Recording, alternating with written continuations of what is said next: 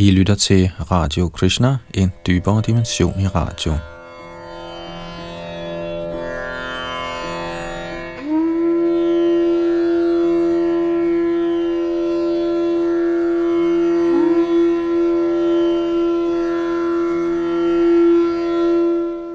Vi fortsætter nu vores gennemgang af Srimad Bhagavatam, hvor vi som bekendt er i gang med 10. bog, hvor Krishna udfolder sin lilla sin leg eller sit tidsfordriv, om man vil. Og i dag skal vi afslutte det lille stykke af kapitel 54, vi ikke nåede sidste gang, hvor Krishna og Rukmini bliver gift. Og så skal vi til kapitel 55, der hedder Historien om Pradyumna, og også 56, Shamantaka juvelen, og vi når også kapitel 57. Her bag mikrofonen sidder Yadunandan Das, der også styrer teknikken.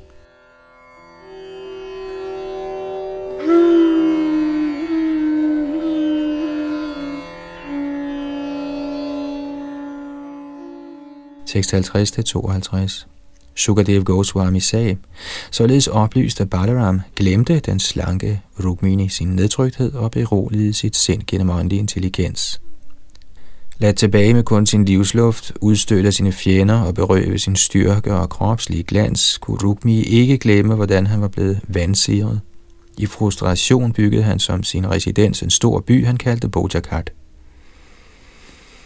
Fordi han havde lovet, jeg vil ikke vende tilbage til Kundina, før jeg har dræbt den onde Krishna og bragt min søster tilbage. Tog Rukmi i en stemning af vred frustration bopæl på netop det sted. Kommentar Srila Vishana Chakravarti forklarer, at ordet bhoja betyder erfaring, og at kata ifølge Nanada Varga ordbogen betyder løfte. Således er Bojakart det sted, hvor Rukmi er erfaret kvaler som resultat af sit løfte.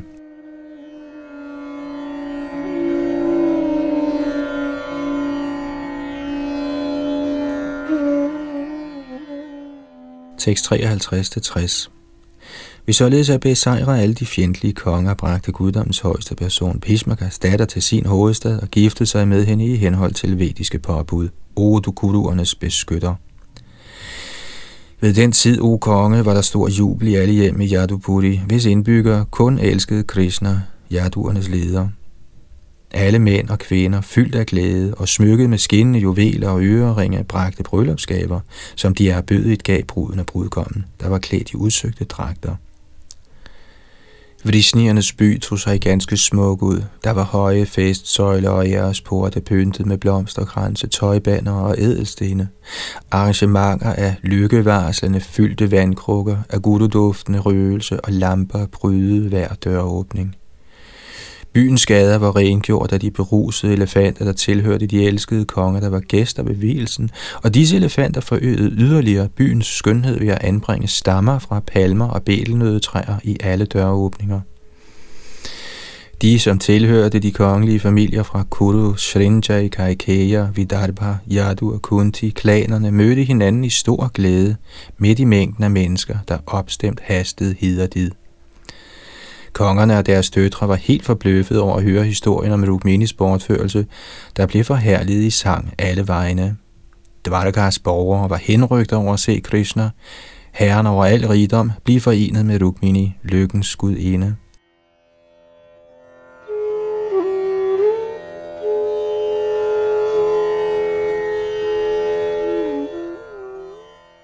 Således ender kommentarerne fra hans guddommelige nåde A.C. Bhaktivedanta Swami Prabhupads ydmyge tjenere til Srimad Bhagavatams 10. bogs 54. 20. kapitel med titlen Krishna og Ruminis bryllup.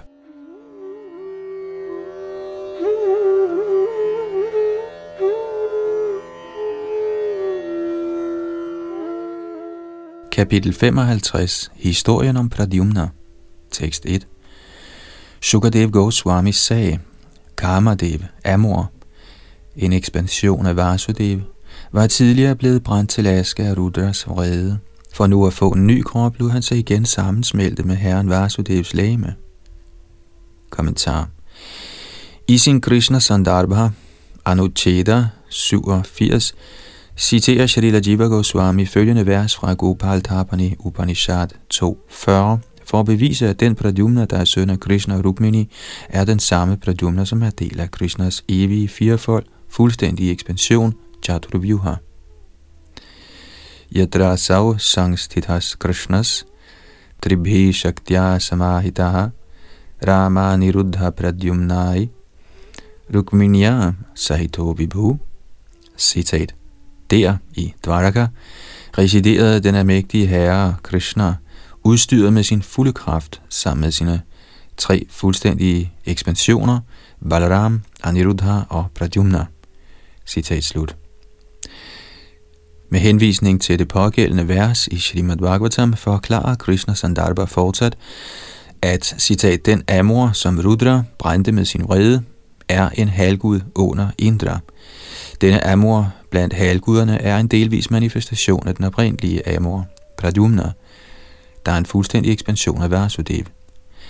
Halvgudernes Amor, der var ude af stand til selv at få en ny krop, trådte ind i Pradumnas krop. Ellers ville Amor have været nødt til at permanent at forblive ulæmelig, der var resultatet af, at Rudra havde destrueret ham med sit raseri. Citat slut.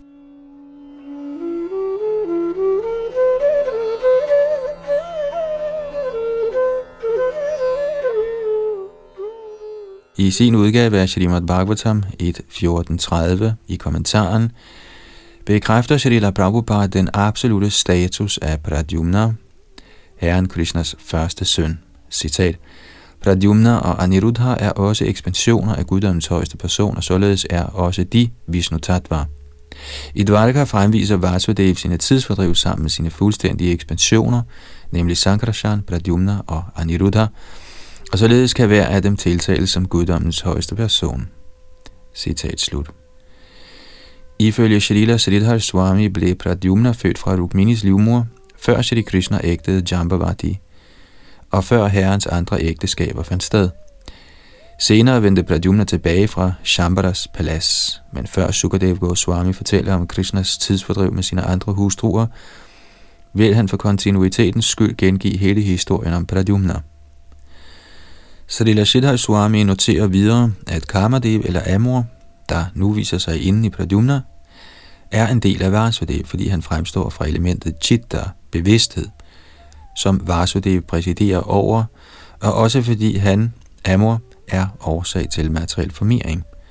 Som Herren siger i Bhagavad Gita 10.28, Prajanas chasmi kandarpaha, af forfædre er jeg kandarpa, Amor.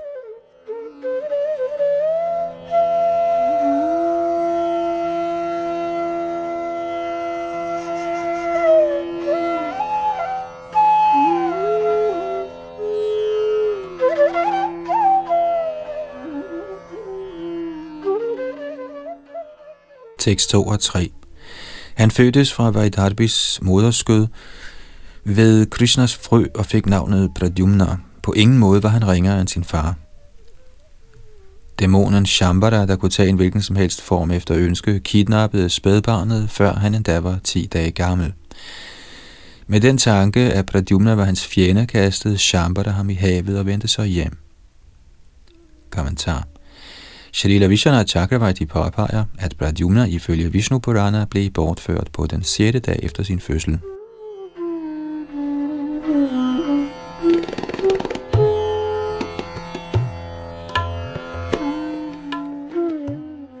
Tekst 4-8 En mægtig fisk slugte Pradyumna, og denne fisk sammen med andre blev fanget i et kæmpe net og taget af fiskerne. Fiskerne gav den usædvanlige fisk til Shambara, som bad sine kokke bringe den ud i køkkenet, hvor de begyndte at skære den op med en slagtekniv. Da de fandt et drengebarn i fiskens mave, gav kokkene babyen til Majavati, der blev forbløffet. Nardat Muni dukkede derop og forklarede alt for hende om barnets fødsel, og hvordan han var havnet i fiskens bu.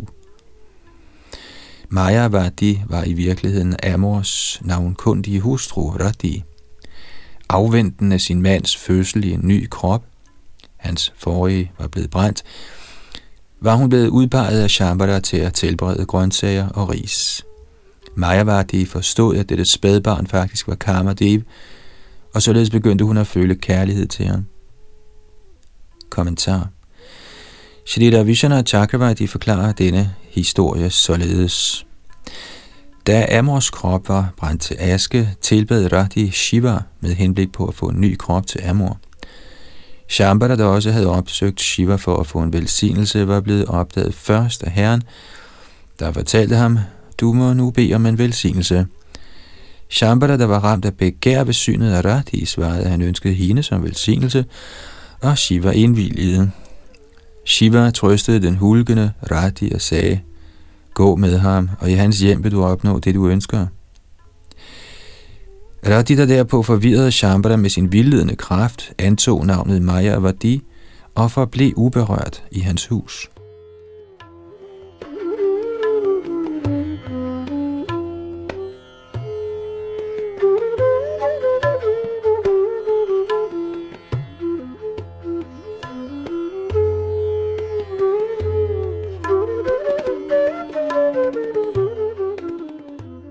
6, 9 og 10.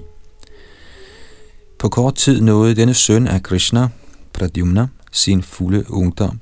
Han fortryllede alle kvinder, der så på ham. Kære konge, med et undsenligt smil og hævet øjenbryn, gjorde Majva de forskellige bevægelser i ægteskabelig tiltrækning, som hun kærligt nærmede sig sin ægtemand, hvis øjne var brede som lotusens kronblad, hvis arme var meget lange, og som var den flotteste af mænd. Kommentar. Mayavadi viste sin ægteskabelige tiltrækning for Pradyumna selv, før hun afslørede deres sande identiteter. Selvfølgelig skabte dette i begyndelsen nogen forvirring, som beskrevet i de følgende vers.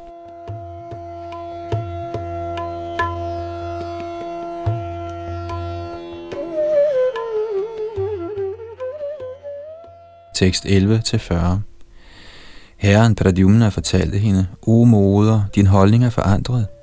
Du overskrider grænsen for de følelser, der sømmer sig for en mor, og opfører dig som en elsker.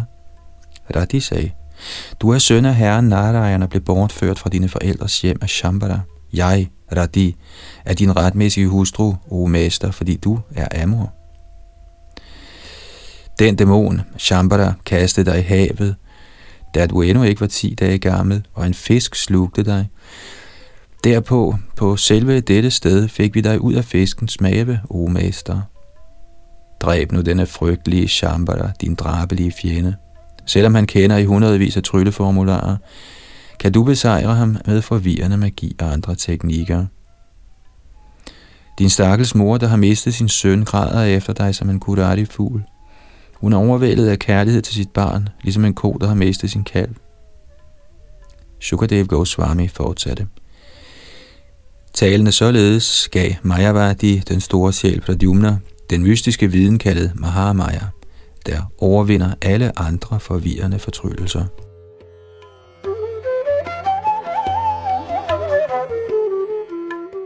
Pradyumna opsøgte Shambhala og kaldte ham til kamp. Han overøste ham med utålige fornærmelser for at opbilde til konflikt. Krænket af de hårde ord blev Shambhala ophidset som en sparket slange – han kom ud med køle i hånden og øjne røde af raseri. Shambhala svingede sin køle hurtigt rundt og kastede den så mod den vise Pradyumna. Dette gav en larm så skingrende som et tordenbrag. Som Shambhalas køle kom flyvende hen imod ham, slog herren Pradyumna den væk med sin egen. Så, o konge, kastede Pradyumna vredt sin køle mod fjenden. Shambhala tydede da til sort magi, som Daidjana havde lært ham gennem Maya Danava, og således dukkede han pludselig op på himlen og udløste en byge af våben over Krishnas søn. Plaget af denne regn af våben gjorde den mægtige kriger, herren Raukminaya, brug af den mystiske videnskab kaldet Mahamaya, der blev skabt af godhedens kvalitet og som kunne overvinde al anden mystisk kraft. Dæmonen affyrede i hundredvis af mystiske våben, tilhørende Gujakar, Gandharva, Pisacha, Uragar og Rakshasar, men herren Karashne Pradyumna slog dem alle ned. Pradyumna trak sit skarpe svær og huggede med voldsom kraft Shambhalas hoved af, komplet med rødt overskæg, hjelm og øreringe. Som indbyggerne på de højere planeter øste en regn af blomster over Pradyumna og sang hans pris, dukkede hans hustru op i luften og transporterede ham gennem himlen hjem til Dvaraka by.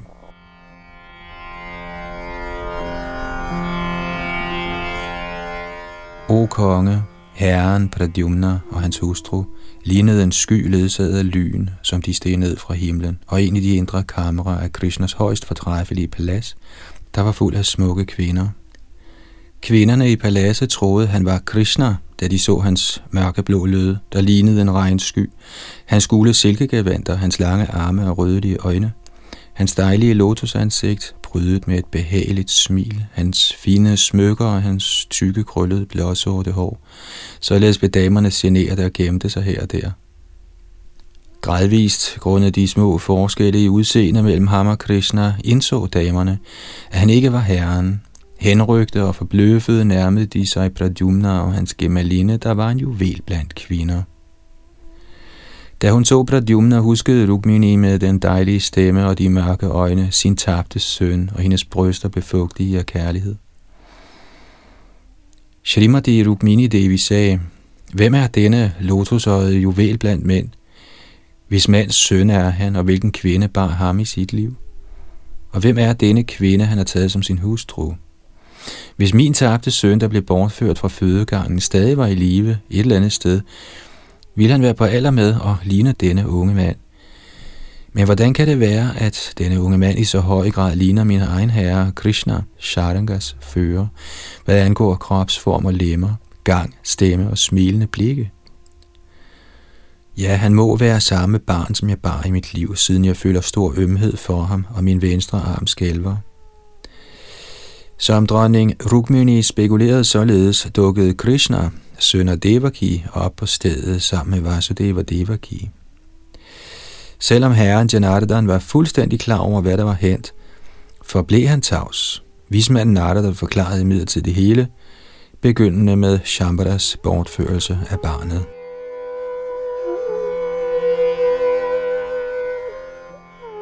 Da kvinderne i Krishnas palads hørte denne højst forbløffende beretning, hilste de henrygt Pradyumna velkommen, der havde været væk i så mange år, og nu var vendt tilbage som fra de døde.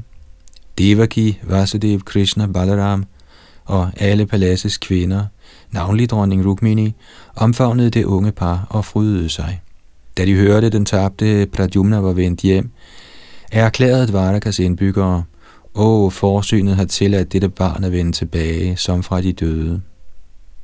Det er ikke overraskende, at paladsets damer, der skulle føle moderlig ømhed for Pradyumna, privat oplevede henrygt tiltrækning til ham, som var han deres egen herre. Trods alt lignede søn nøjagtigt sin far.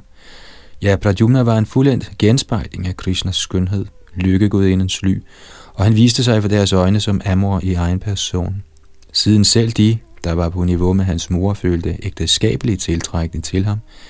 Hvad måtte andre kvinder ikke føle, da de så ham?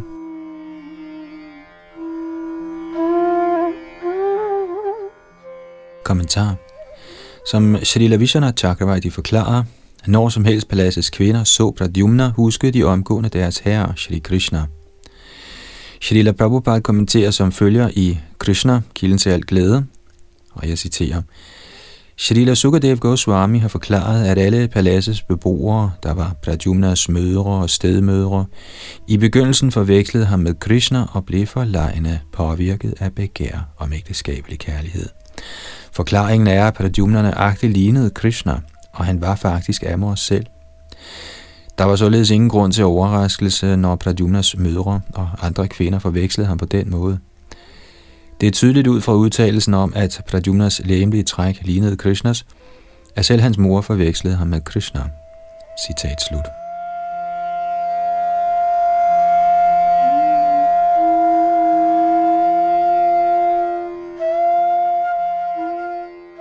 Således ender kommentarerne fra hans guddommelige nåde A.C. Bhaktivedanta Swami Prabhupads ydmyge tjenere til Srimad Bhagavatams 10. bogs 55. 20. kapitel med titlen Historien om Pradyumna.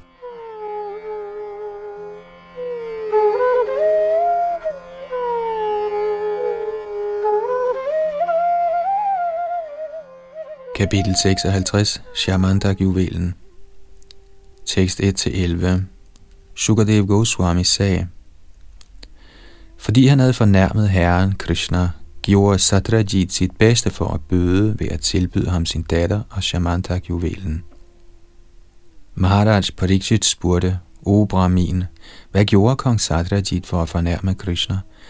Hvor fik han fat i Shamantak-juvelen, og hvorfor gav han sin datter til den højeste herre? Sukadev Goswami sagde, Surya, solguden, nærede stor kærlighed for sin hengivne Satrajit. Som den største af venner gav halvguden ham juvelen kaldet Shamantak, som tegn på sin tilfredsstillelse. Med juvelen om halsen trådte Satrajit ind i Dvaraka. Han skinnede så kraftigt som selve solen og konge, og således blev han på grund af juvelens udstråling ikke genkendt. Da folkene så Satrajit på afstand, blev de blændet af hans stråleglans. De formodede, han var solguden Surya, og gik for at meddele dette til Krishna, der på det tidspunkt spillede terning. Indbyggerne i Dvaraka sagde, er bødighed til dig, o Narayan, o du som bærer konkylien, diskosten og kølen. O lotusøjet Damodar, o gode vinter, o elskede efterkommer af Yadu. Herren Savitar er kommet for at se dig, o Herre, over universet. Han blænder alles øjne med sine voldsomt skinnende stråler. De tre verdeners fornemmeste halvguder er sandelig ivrige efter at opsøge dig, o Herre, nu da du har gemt dig i Yadu-dynastiet. Således er den ufødte solgud kommet for at besøge dig her. Shukadev Goswami fortsatte. Da han hørte disse uskyldige ord, smilte den lotusøjede herre bredt og sagde, han er ikke solguden Ravi, men i virkeligheden Satyajit, der stråler på grund af sin juvel. Kong Satyajit trådte ind i sit overdådige hjem, hvor han festligt udførte lykkebringende ritualer. Han fik kvalificerede braminer til at anbringe Shamantak-juvelen i husets tempel. Hver dag afgav juvelen otte bharaer guld, kære Prabhu, og stedet, hvor den blev opbevaret og behørigt tilbedt, var fri for ulykker såsom sult, utidig død og desuden fra under som slangebid, psykiske og fysiske lidelser og tilstedeværelsen af uærlige mennesker. Kommentar Srila Sridhar Swami giver følgende shastriske henvisning angående en vara. Chaturbhi vrihibhir gunjam gunja pancha panang panan astaudharanang mastaucha karshangs tangs chatura palam tulam palashatang prahur bharasyad vingshatistulah. Citat. Fire korn ris udgør en gunja, fem gunjaer en pana, otte panaer en karsha, fire karshaer en pala og 100 palaer en tula. 20 tulaer udgør en bhara. Citat slut. Eftersom der er ca. 130 riskorn per gram, afgav Shamanta-juvelen i omegnen af 80 kilo guld hver dag.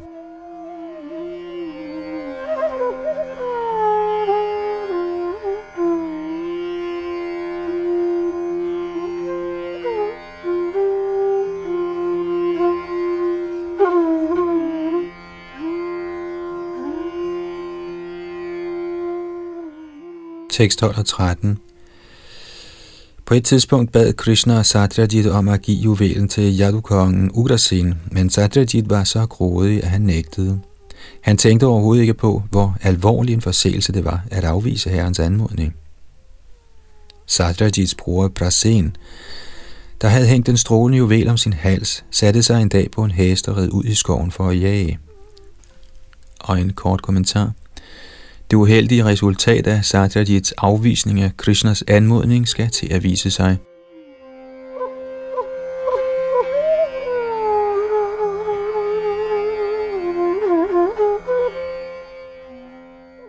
Tekst 14-22 En løve dræbte Brasen og hans hest og tog juvelen, men da løven gik ind i en bjerggrotte, blev den dræbt af Jambavan, der ville have juvelen.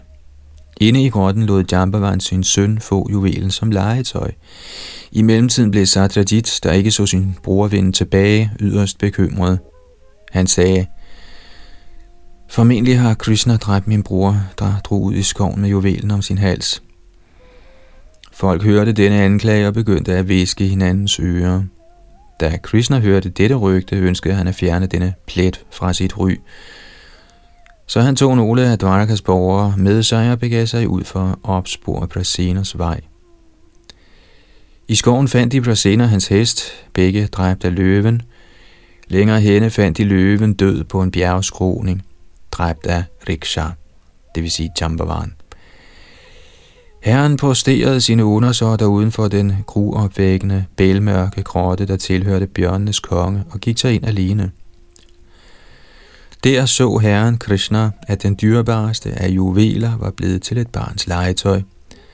Opsat på at tage den fra ham, nærmede han sig i barnet. Barnepigen gav et skrig af redsel, da hun så den usædvanlige person, der stod foran dem. Jambavan, den stærkeste af de stærke, hørte hendes udråb og løb mod herren. Uvidende om hans sande position, og i den tro, at han var et almindeligt menneske, gav Jambavan sig til at kæmpe mod den højeste herre, hans mester.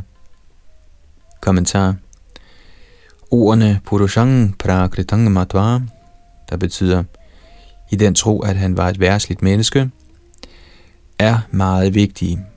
Såkaldt vediske lærte, herunder de fleste vestlige, ynder at oversætte ordet Purusha med menneske, selv når ordet henviser til Krishna, og således bliver deres uautoriserede oversættelse af vedisk litteratur besmittet af deres materialistiske opfattelse af guddommen. Her siges det imidlertid klart, at det var fordi Jambavaren misforstod herrens position, at han opfattede ham som Prakrita Purusha. En værslig person. Med andre ord er herren i virkeligheden Purushottam, den ultimative transcendentale person.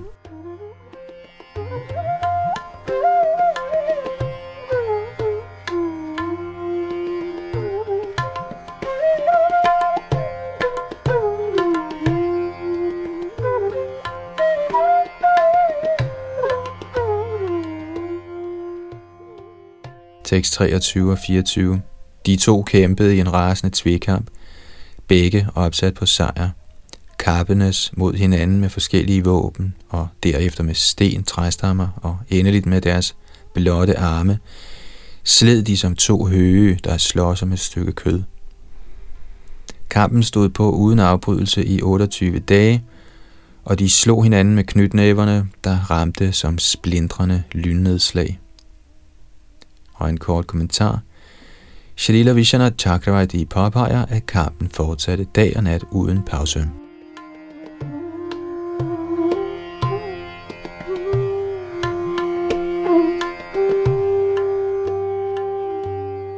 Tekst 25-27 Da hans svulmende muskler til sidst var mørbanket af slagene fra herren Krishnas knytnæver – Hans styrke svigtede, og hans lemmer svedte, talte den meget overraskede Jambavan endeligt til herren. Jambavan sagde, Jeg ved, du er livsluften, den sanselige, mentale og fysiske styrke i alle levende væsener. Du er herren Vishnu, den oprindelige person, den højeste almægtige hersker. Du er den endelige skaber af alle universets skabere, og i alt skabt er du den underliggende substans.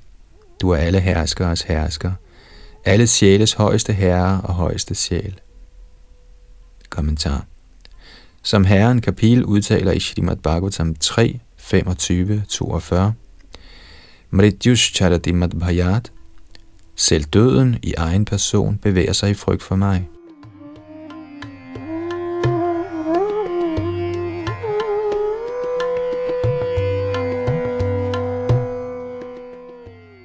Tekst 28-37 du er han, som fik oceanet til at vige, da hans sideblikke, der svagt viste hans vrede, forstyrrede krokodillerne og timingillerfisken i havets dyb. Du er han, som byggede en vældig bro for at etablere sin berømmelse, som nedbrændte Lankas by, og hvis pile afhuggede Ravans hoved, der derpå faldt til jorden. Shukadev Goswami fortsatte, O konge, Krishna talte da til kongen over bjørnene, som havde forstået sandheden. Den lotusøjede person i guddommen, Devakis søn, rørte Jambavan med sin hånd, der skænker alle velsignelser, og talte til sin hengivne med sublim medfølelse og med en stemme så dyb som torden. Krishna sagde, det er på grund af denne juvel, o herre over bjørnene, at vi er kommet til din grotte. Jeg agter at bruge juvelen til at modbevise de falske anklager mod mig. Således tiltalt ærede Jambavan lykkeligt Krishna ved at tilbyde ham sin ugifte datter, Jambavati, sammen med juvelen. Efter at herren Shauri havde trådt ind i grotten, havde folkene fra Dvaraka, der havde fulgt ham, ventet i 12 dage, uden at se ham komme ud igen. Til sidst havde de givet op og var vendt tilbage til byen i stor sorg.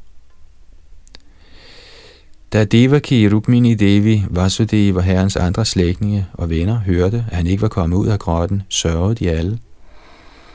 Dvarakas sørgende beboere forbandede Satrajit og opsøgte Durga-dieteten ved navn Chandrabhaga og bad til, at Krishna skulle vende tilbage. Da borgerne var færdige med tilbedelsen af halvgudinden, talte hun til dem og lovede at opfylde deres ønske. Netop da viste Krishna sig, der havde opnået sit formål, sammen med sin nye hustru til borgernes store glæde.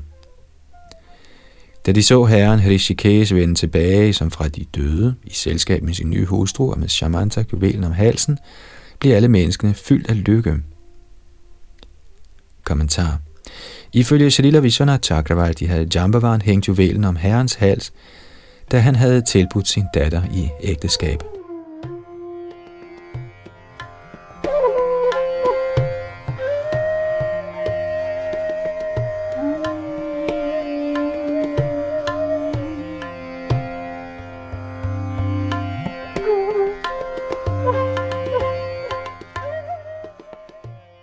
Tekst 38-44 Herren Krishna indkaldte Satrajit til den kongelige forsamling. Der, i kong Ugrasens tilstedeværelse, bekendtgjorde Krishna generhvervelsen af juvelen og gav den derpå formelt til Satrajit. Med hovedet hængende i stor skam tog Satrajit ædelstenen og gik hjem, alt imens han følte anger over sin syndige opførsel. Overvejende sin alvorlige forseelse og i frygt for konflikt med herrens mægtige hengivne, tænkte kong Satrajit, hvordan kan jeg rense mig selv for besmittelse, og hvordan kan herren Achuta blive tilfreds med mig? Hvad kan jeg gøre for at genvinde mit gode held og undgå folkets forbandelse for at være så kortsigtet, nære i tåbelig og havesyg? Jeg vil give min datter, juvelen blandt alle kvinder, til herren sammen med Siamantak-juvelen. Ja, det er den rigtige måde at stille ham tilfreds på. Da han således på intelligent vis havde besluttet sig, gav kong Satrajit personligt Krishna sin skønne datter og Shamantak juvelen. Herren ægtede Satyabhama på behørig religiøs vis, begavet med fortrinlig opførsel sammen med skønhed, frisind og alle andre gode kvaliteter, havde hun været eftersøgt af mange mænd. Kommentar Shrila Shridhar Swami forklarer, at mænd som Krita Varma havde søgt Satyabhamas hånd.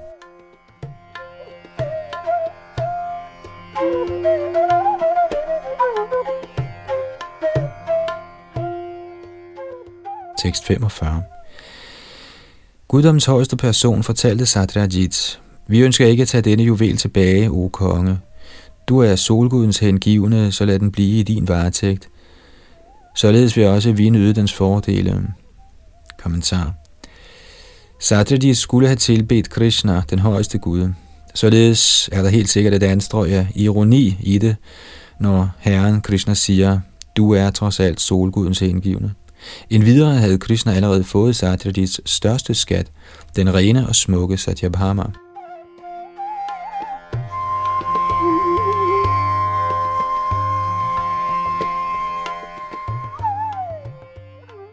Således ender kommentarerne fra hans guddommelige nåde A.C. Bhaktivedanta Swami Prabhupads ydmyge tjenere til Srimad Bhagavatams 10. bogs 56. 20. kapitel med titlen Shamantak-juvelen.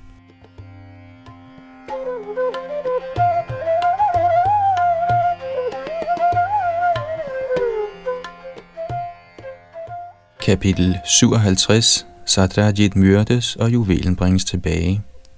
Tekst 1 Shri Bhadarayani sagde, Herren, gode vinter, var fuldstændig klar over, hvad der faktisk var sket. Men da han hørte rapporter om, at Pandavarne og dronning Kundi var brændt inde, tog han sammen med herren Balaram til kuruernes kongerige for at opfylde de familiepligter, man forventede af ham. Kommentar Herren var fuldt bevidst om, at Pandavarerne havde undsluppet Duryodhans attentatforsøg, selvom verden hørte de falske nyheder om, at Pandavarerne og deres mor var omkommet i flammerne.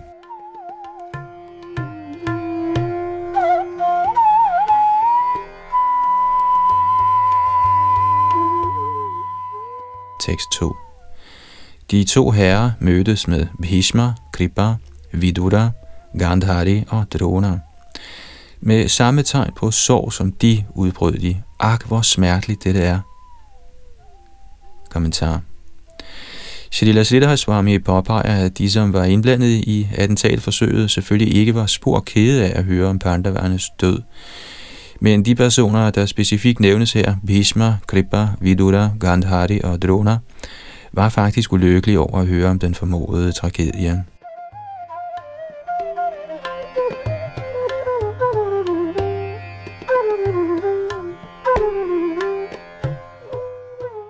Tekst 3 I benyttelse af denne lejlighed, o konge, opsøgte Akrura og Kritavarma Shatadhanva og sagde, hvorfor ikke tage Siamantak-juvelen?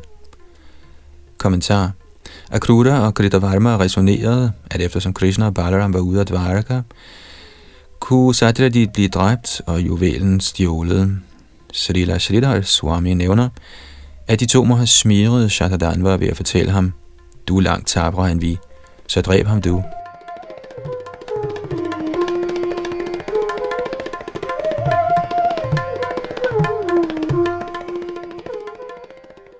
Tekst 4 Satrajit lovede os sin juvellignende datter, men gav hende så til Krishna i stedet for, og forsømte os således hånligt. Så hvorfor skulle Satrajit ikke følge samme vej som sin bror? Kommentar Siden Satyajits bror Prasen var blevet brutalt dræbt, er implikationen af at følge samme vej som sin bror åbenbar. Det vi har her er planlægningen af et attentat. Det er en kendt sag, at både Akruta og Krita Varma er den højeste herres fornemme, rene hengivne, så deres usædvanlige adfærd kræver en forklaring. Acharya'erne giver den som følger. Srila Jiva Goswami udtaler, at selvom Makruta var en førsteklasses ren hengivende herre, var han offer for den vrede Gokuls indbyggere rettede mod ham, fordi han tog Krishna væk fra Vrindavan. Goswami siger endvidere, at Kritavarma havde plejet omgang med Kangs. De var begge medlemmer af Bodha-dynastiet, og således led Kritavarma nu under følgerne af dette uønskede venskab. Srila Vishana Chakravarti giver en alternativ forklaring. Både Akrura og Kritavarma var rasende på Satrajit, fordi han havde fornærmet Krishna og spredt falske rygter om ham i Dvaraka. Under normale omstændigheder ville både Akrura og Kritavarma have været ovenud tilfreds med, at Krishna giftede sig med den smukke Satyabama. Som rene hengivne kunne de i virkeligheden ikke være ulykkelige over dette ægteskab, ej heller kunne de blive herrens jaloux rivaler. Derfor havde de en bagtanke med at opføre sig som hans rivaler.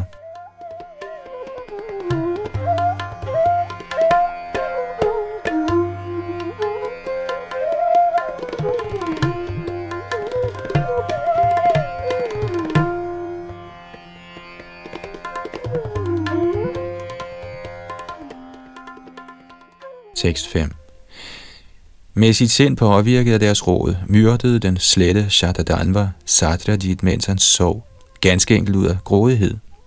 På den måde forkortede den syndige Shatadanva sit eget liv. Kommentar Ifølge Shalila Vishwana Chakravarti tilkendegiver ordet Asatama, at Shatadhanva grundlæggende var ondsindet og nærede et fast had mod Satrajit.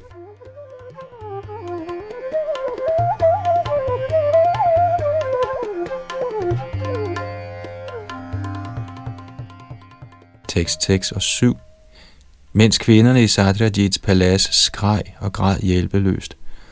To Shatadan var juvelen og forlod stedet, ligesom en slagter, når han har dræbt nogle dyr. Da Satyabhama så sin døde far, blev hun kastet ud i sorg. Hun klagede sig, min far, min far, åh, oh, jeg er blevet dræbt, og faldt bevidstløs om. Kommentar Ifølge Salila Jiva Goswami blev Satyabhamas forpinte følelser og ord ved hendes fars død fremkaldt af Herren Krishnas energi til tidsfordriv, Lila Shakti, for at forberede Herrens voldsomme reaktion mod Satadanva.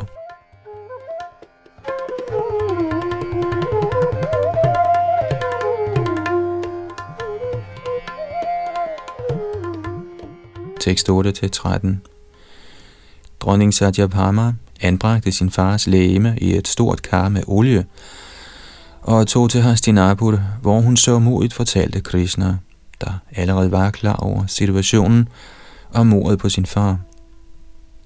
Da Krishna og Balaram hørte denne nyhed, o konge, udbrød de, Ak, det er den største tragedie for os. Således efterlignede de menneskesamfundets skikke og sørgede med tårerfyldte øjne. Den højeste herre vendte hjem til sin hovedstad med sin hustru og ældre bror. Da han var ankommet i Dvaraka, gjorde han sig klar til at dræbe Shatadanva og tage juvelen tilbage fra ham. Da han fik at vide, at Krishna gjorde sig redde til at slå ham ihjel, blev Shatadanva ramt af frygt. For at redde livet opsøgte han Kritavarma og tryllede ham om hjælp. Men Kritavarma svarede som følger. Jeg tør ikke fornærme de højeste herrer, Krishna og Balaram. Ja, hvordan kan den, som lægger sig ud med dem, forvente nogen lykke? Kangs og alle hans tilhængere mistede både deres rigdom og liv på grund af fjendskab mod dem. Og efter at have kæmpet mod dem 17 gange, stod Jarasan tilbage uden selv en stridsvogn. Kommentar Shalila Shridhar Swami forklarer, at ordet helanam antyder handling imod herrens vilje, og at vrijjanam indikerer en forseelse mod herrene.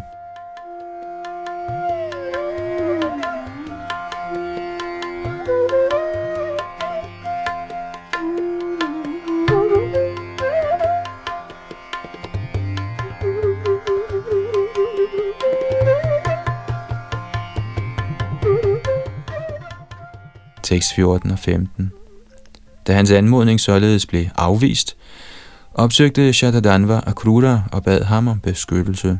Men Akrura fortalte ham ligeledes, hvem ville modsætte sig i guddommens to personer, hvis de kendte deres styrke? Det er den højeste herre, der skaber og opretholder, og til gør dette univers ganske enkelt som sit tidsfordriv. De kosmiske skabere kan end ikke forstå hans hensigt, vildledet som de er af hans illusoriske majer. Kommentar. Brugen af entalsformen ja, han, som, tilkendegiver, at de hyppige henvisninger til de to herrer, Krishna og Ram, ikke modsiger det faste monoteistiske princip udtrykt i Srimad Bhagavatam. Som forklaret i mange vediske tekster, udvider den ene højeste herre sig i mange skikkelser, og dog forbliver han den ene og almægtige Gud. Man finder for eksempel denne udtalelse i Brahma Samhita 5.33. Advaita Machutta Citat. Den ene højeste herre er ufejlbarlig og uden begyndelse, og han udvider sig i utallige skikkelser. Citat slut. Med respekt for ånden i Herrens tidsfordriv, i hvilket han udvider sig og viser sig som sin egen ældre bror Balaram, refererer Bhagavatam her til de to herrer, men sagens kerne er, at der er en højeste guddom, en absolut sandhed, der viser sig i sin oprindelige form som Krishna.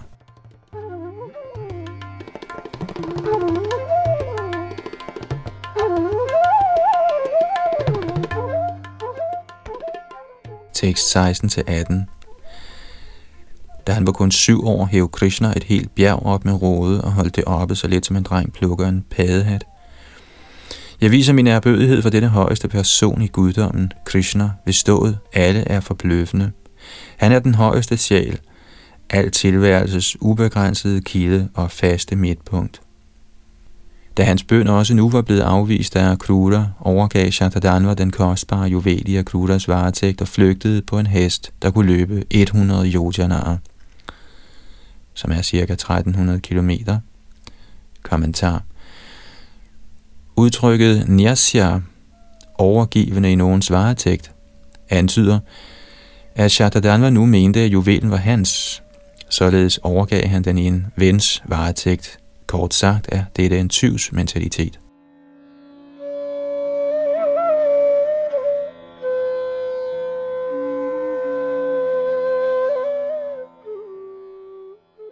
Tekst 19-24 Kære konge, Krishna og Balaram steg op i Krishnas stridsvogn, på hvilken Garudas flag vejede og som var forspændt med overordentligt hurtige heste og fulgte efter deres ældres morder.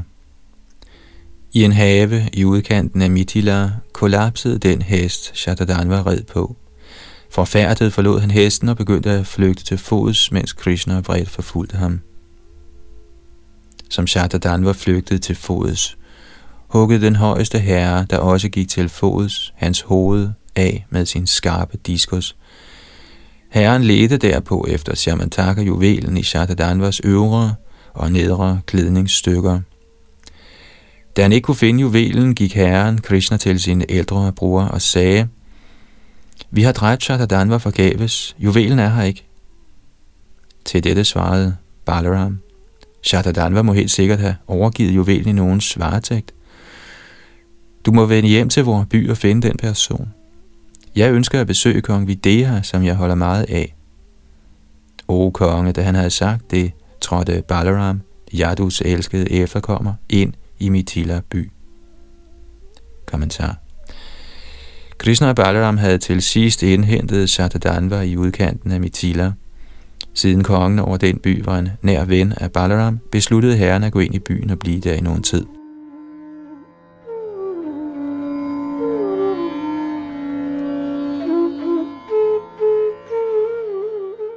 Tekst 25-27 Kongen over Mitila stod omgående op fra sit sæde, da han så Balaram ankomme. Med stor kærlighed ærede kongen den højeste tilbedelsesværdige herre, med udførlig tilbedelse, som fastsatte af skrifterne.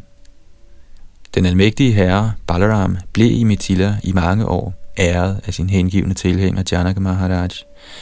Under den tid lærte Dhritarashtas søn Duryodhan kunsten at slås med køle fra Balaram. Herren Keshav ankom i Dvaraka og beskrev Shatadanvas død samt hans eget mislykkede forsøg på at finde Samantaka-juvelen. Han talte på en måde, som ville glæde hans elskede Satyabhama. Kommentar Selvfølgelig var Satyabhama glad for at høre, at retfærdigheden var sket fyldest, hvad angik hendes fars morder, men hendes fars Samantaka-juvel var stadig ikke fundet, og således var hun også glad for at høre, at Krishna var opsat på at finde den.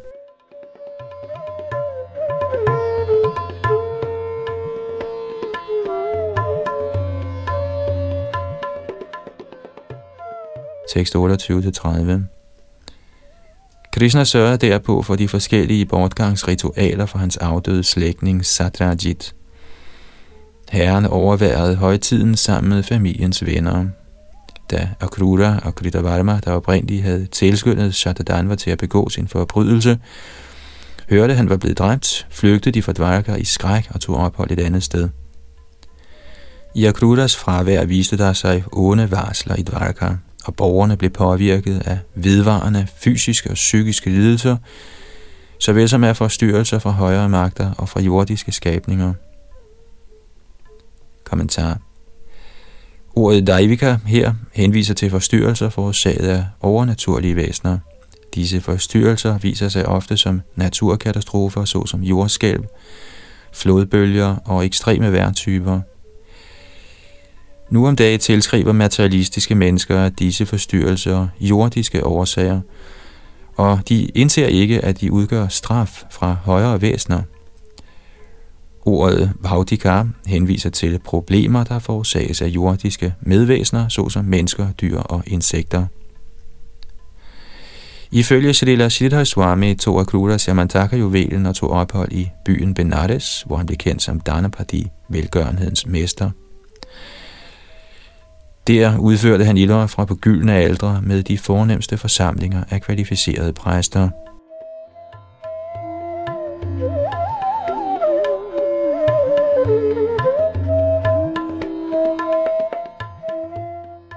Nogle af Dvarkas indbyggere følte, at de usædvanlige ulykker skyldes Aklutas fravær, og således glemte de, som beskrevet i næste vers, at den højeste herres personlige tilstedeværelse i Dvarka udelukkede den mulighed.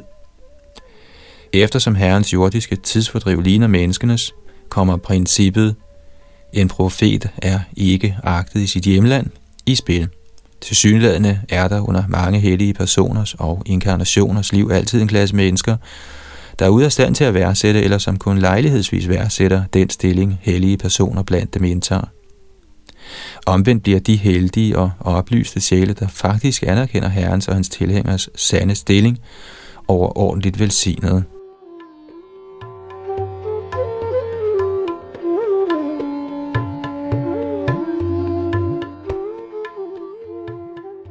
31 Nogle foreslog, at forstyrrelserne skyldtes Akrutas fravær, men de havde glemt den højeste herres herligheder, som de selv så tit havde beskrevet.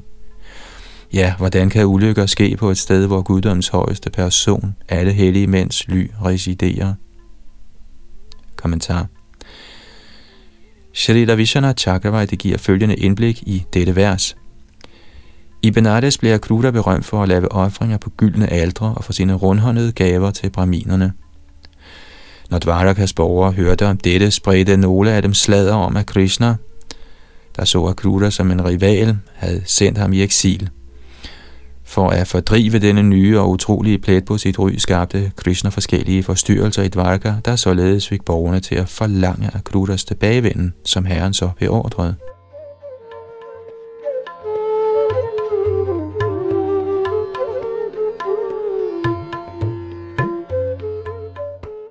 Tekst 32 De ældre sagde, Tidligere, da herren Indra havde tilbageholdt regnen fra Kasi, eller Benares, gav kongen over den by sin datter Gandini til Svapalka, der på det tidspunkt var på besøg.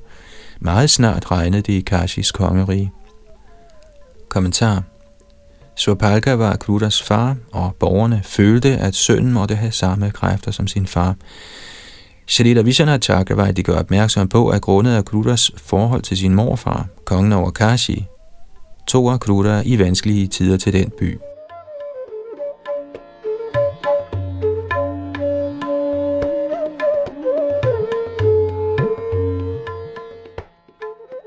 tekst 33 og 34. På det sted, hvor hans lige så mægtige søn Akruta bor ved Indra, sørger for tilstrækkelig mængde regn. Ja, det sted vil være fri for elendighed og utidig død. Da han hørte de ældre tale sådan, tilbagekaldte herren Janardan Akrura til Dvaraka og talte med ham. Selvom han var klar over, at Akrutas fravær ikke var den eneste årsag til de onde varsler. Kommentar Siden Krishna er den højeste hersker, var det selvfølgelig ved hans vilje, at visse problemer viste sig i Dvaraka by. Overfladisk kunne disse under være forårsaget af Krudas fravær, og også fordi den lykkebringende Shamantaka-juvel var væk. Men man må huske på, at Dvaraka er herren Krishnas evige bolig. Det er en by af guddommelig lyksalighed, fordi herren residerer der – for ikke desto mindre at gennemføre sine tidsfordriv som prins i denne verden, gjorde Krishna det nødvendige og kaldte Akruta hjem.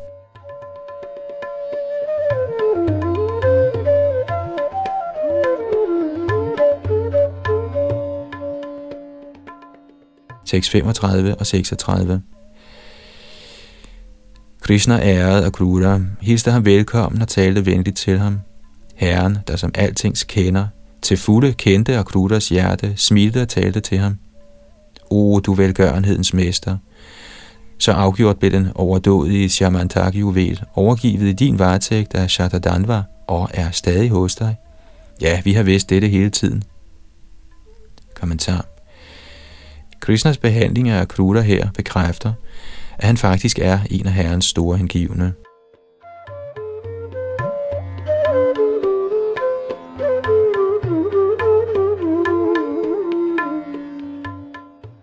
tekst 37. Da Satrajit ingen sønner har, skal hans datters sønner modtage hans arv. De skal betale for mindegaverne af vand og pinter, bestride deres bedstefars gæld og beholde den overskydende arv til dem selv. Kommentar. Shrita Sridhar Swami citerer følgende påbud fra Smriti angående arv. Patni duhitaras chaivo pitaro bharatas tata Tatsuta Godraja Bandhu Shishya Sa Brahmacharinaha. Citat. Arven går først til hustruen, derefter, hvis hustruen er gået bort, til døtrene, så til forældrene, så til brødrene, derefter til brødrenes sønner, så til familiemedlemmer af samme Godra som den afdøde, og derefter til hans disciple herunder brahmacharya. Citat slut. Shrita Vishwanath Chakravarti tilføjer, at fordi Satyajit ingen sønner havde, og hans koner var blevet dræbt sammen med ham, samt at hans datter Satyabhama ingen interesse havde i Siamantaka-juvelen, der udgjorde arven, tilhørte den retmæssigt hendes sønner. I Krishna, kilden til alt glæde, forklarer Srila Prabhupada, og jeg citerer, med sin udtalelse antyder Krishna, at Satyabhama allerede var gravid, og at hendes søn ville være juvelens retmæssige fordringshaver, og at han så afgjort ville tage juvelen tilbage fra Akrura, så fremt han skulle prøve at skjule den. Citat slut.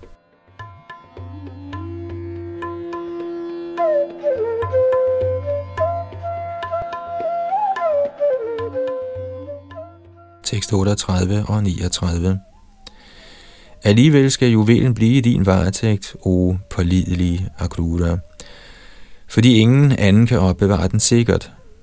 Men vis mig venligst juvelen kun én gang, siden min ældre bror ikke helt kan tro på det, jeg har fortalt ham om den. På den måde, o du mest heldige, vil du stille mine slægtninge til.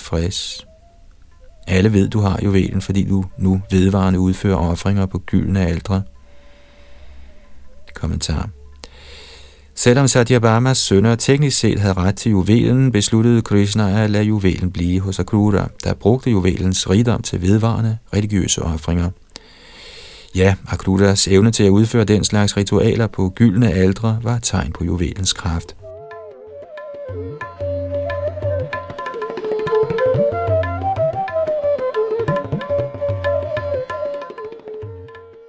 Tekst 40 Således gjort til skamme af Herren Krishnas forsonlige ord, bragte Svipalkas søn juvelen frem fra det sted, hvor han havde holdt den gemt og gav den til Herren. Den strålende ædelsten skinnede som solen. Kommentar. Vi kan i dette kapitel se, hvordan en kostbar sten var skyld i så meget intrige, vold og lidelse. Dette er sandelig en god lektie for dem, der ønsker et problemfrit åndeligt liv.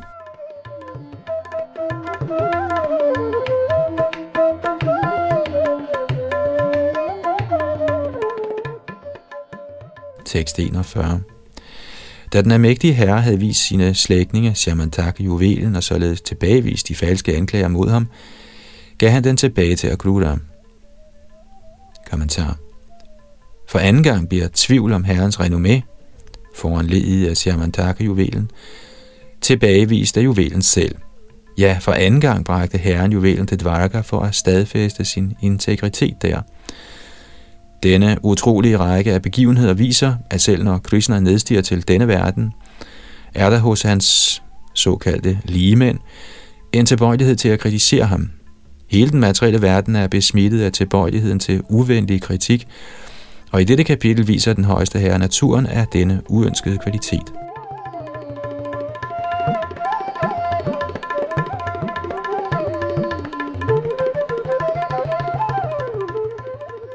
Tekst 42. Denne fortælling, rig på beskrivelser af Herren Vishnus, guddommens højeste persons kræfter, fjerner reaktioner på synd og skænker al lykke. En hver, der genfortæller, hører eller husker den, vil fordrive sin egen vandære og synd og opnå fred.